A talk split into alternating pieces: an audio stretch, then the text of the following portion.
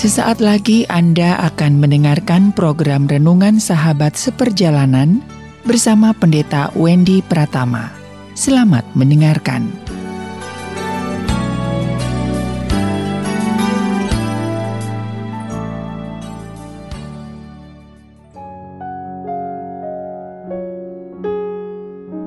Selamat berjumpa kembali di dalam layanan audio Sahabat Seperjalanan. Hari ini adalah hari Senin, 13 Desember 2021. Tema renungan dan saat dulu kita dengan judul Bekal untuk Kekekalan. Bekal untuk kekekalan. Firman Tuhan terambil dalam 1 Petrus pasal yang ke-1 ayat yang ke-23. Demikian bunyi firman Tuhan. Karena kamu dilahirkan kembali bukan dari benih yang fana, tetapi dari benih yang tidak fana oleh firman Allah yang hidup dan yang kekal. Di dalam ayat yang ke-24b sampai dengan ke-25, rumput menjadi kering dan bunga gugur, tetapi firman Tuhan tetap untuk selama-lamanya. Mari kita berdoa. Bapak yang di dalam surga, kehidupan ini seperti sebuah perjalanan dan kami membutuhkan bekal agar perjalanan kami sampai kepada tujuan. Demikian juga kehidupan bersama dengan Tuhan, kami membutuhkan bekal-bekal yang indah dan benar. Di dalam nama Tuhan Yesus kami berdoa. Amin. Shalom sahabat perjalanan yang dikasih Tuhan. Kalau bekal itu, kalau pemahaman bekal berarti ada yang kita bawa Sahabat seperjalanan yang dikasih Tuhan, tetapi kalau bekal itu jadi ingat dengan yang negatif yaitu begal. Bekal dan begal. Apa bedanya bekal dan begal? Kalau bekal itu untuk kepentingan kebutuhan kita, kita mempersiapkan untuk kepentingan kita. Tapi kalau begal untuk kepentingannya dengan cara merampas kepentingan orang lain, begal motor, begal segala macam. Jadi begal itu sebetulnya tidak hanya berbicara tentang motor, tentang mobil, namun sebuah tindakan perampasan atas hak-hak orang yang seyogianya itu bukan hak pribadi. Sehingga kategori ini termasuk kejahatan, pencurian, perampokan, perampasan. Itu begal. Nah kita bicara tentang bekal. Bekal untuk kekekalan. Sahabat seperjalanan yang dikasih Tuhan. Setiap kita menyiapkan bekal. Pada saat mengalami peperangan di zaman terdahulu, orang-orang yang dalam pengungsian, dalam perjalanan yang sangat panjang dan jauh di zaman-zaman perjanjian lama, perjanjian baru, maka menyiapkan bekal adalah sesuatu yang sangat penting, yang harus direncanakan, yang harus diatur sedemikian rupa agar perjalanan kita tidak mengalami kesulitan, tidak kelaparan, tidak kemudian kehausan, kita juga membawa uang atau membawa apa pun, bahkan alat-alat pengamanan diri agar di perjalanan terkala menghadapi ancaman kita bisa menyelesaikannya dan tentu salah satu tujuan daripada bekal kita itu mencapai tujuan dalam sebuah perjalanan. Sahabat perjalanan yang dikasih Tuhan, banyak orang kemudian menggunakan asuransi untuk bekal.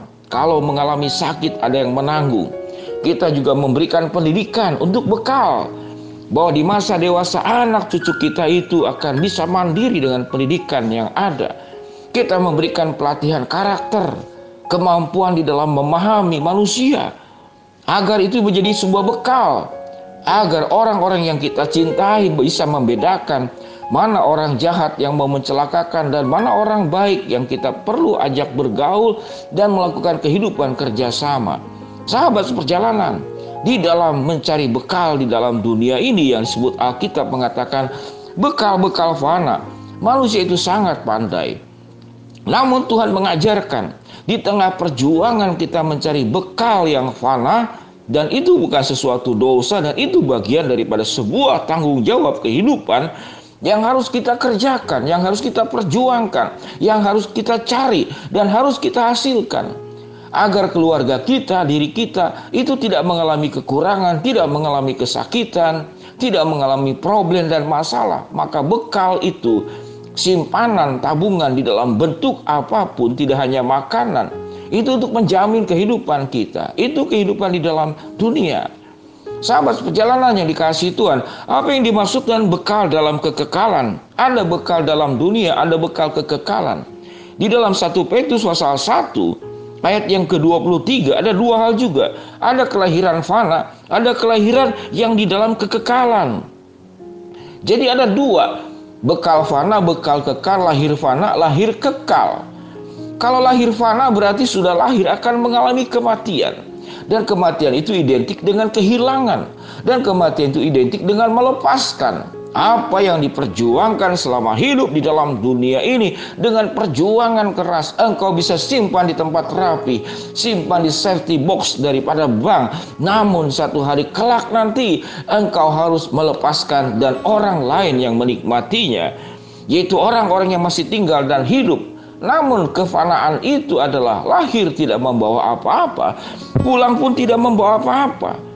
Sehingga firman Tuhan dalam ayat 23 dikatakan karena kamu dilahir karena kamu dilahirkan kembali bukan dari benih yang fana tetapi dari benih yang tidak fana oleh firman Allah yang hidup dan yang kekal. Sahabat seperjalanan yang dikasih Tuhan, kehidupan kita di dalam dunia ini di tengah perjuangan mencari, mengumpulkan, menjaga, menghasilkan bekal-bekal hidup yang fana, kita harus punya bekal hidup dalam kekekalan. Alkitab mengatakan dirumuskan bekal hidup dalam kekekalan itu adalah firman Allah yang kekal. Firman Allah yang hidup di dalam diri kita, firman Allah yang nyata terungkap di dalam kelakuan kita, dalam bicara, dalam bersikap, dalam karakter, dan dalam segala hal. Maka ini yang akan dibawa kepada kekekalan. Alkitab tidak pernah menyebutkan bahwa sewaktu engkau meninggal Tuhan akan tanya berapa jumlah hartamu. Tapi Tuhan akan tanya jumlah hartamu engkau pakai untuk apa. Tuhan tidak pernah akan tanya berapa tinggi pendidikanmu, tapi Tuhan akan tanya, sewaktu engkau sudah tinggi pendidikan, engkau sudah menjadi cerdas, bagaimana engkau menggunakan pendidikan yang sudah engkau terima? Tuhan tidak akan tanya seberapa sehat badanmu, namun Tuhan akan bertanya, sewaktu aku memberikan kesehatan, anugerah kebugaran pada tubuh, apa yang engkau gunakan dengan kesehatan yang dianugerahkan olehku kepadamu? Itu kata Tuhan. Maka yang fana ini sahabat seperjalanan akan menjadi kekal tatkala itu digunakan untuk apa dan untuk siapa. Tatkala kita gunakan untuk hal-hal yang baik, maka buat kemuliaan Tuhan. Tatkala kita gunakan hanya untuk diri sendiri, maka hanya bekal. Tapi sewaktu kita menggunakan katakanlah merampas hak orang lain, maka engkau menjadi begal. Bekal itu kefanaan, begal itu merampas hak orang lain yang bukan lagi kefanaan, tapi keberdosaan. Sahabat seperjalanan yang dikasih Tuhan, tiga kata yang cukup menarik bekal, begal, kekal. Kita ulangi dua kali lagi. Bekal, begal, kekal, bega, bekal, bebal, kekal. Ya, begal. Sahabat perjalanan yang dikasih Tuhan. Sehingga hidup ini pada dasarnya adalah sebuah pilihan. Apakah engkau akan menggunakan yang fana ini untuk nilai-nilai kekekalan? Atau engkau menggunakan yang fana ini, bekal yang fana ini dan kemudian engkau menjadi orang-orang yang penuh dengan sifat yang begal, sifat yang bebal, sifat-sifat yang buruk. Dan satu hari kelak nanti, semua anugerah kehidupan yang diberikan kepada kita, kita akan diminta pertanggungjawabannya di hadapan Tuhan. Kembali ingat baik-baik, sewaktu engkau bertemu dengan Tuhan, Tuhan akan tidak tanya seberapa sehat, seberapa kaya, seberapa cerdas, tapi Tuhan bertanya, kesehatan, kecerdasan, kekayaan, engkau gunakan untuk kemuliaan Allah atau hanya buat kepentingan diri sendiri atau engkau merusak kehidupan orang lain dengan merampas hak-hak orang lain. Mari kita kumpulkan bekal untuk kekekalan. Mari kita berdoa. Bapak yang di dalam sorga hambamu berdoa buat sahabat perjalanan yang sedang sakit Tuhan jamah sembuhkan.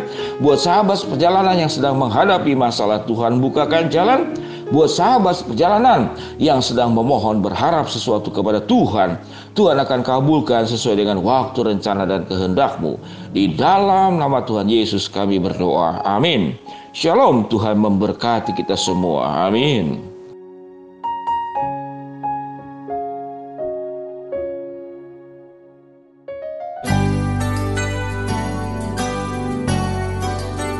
Anda baru saja mendengarkan program Renungan Sahabat Seperjalanan bersama Pendeta Wendy Pratama.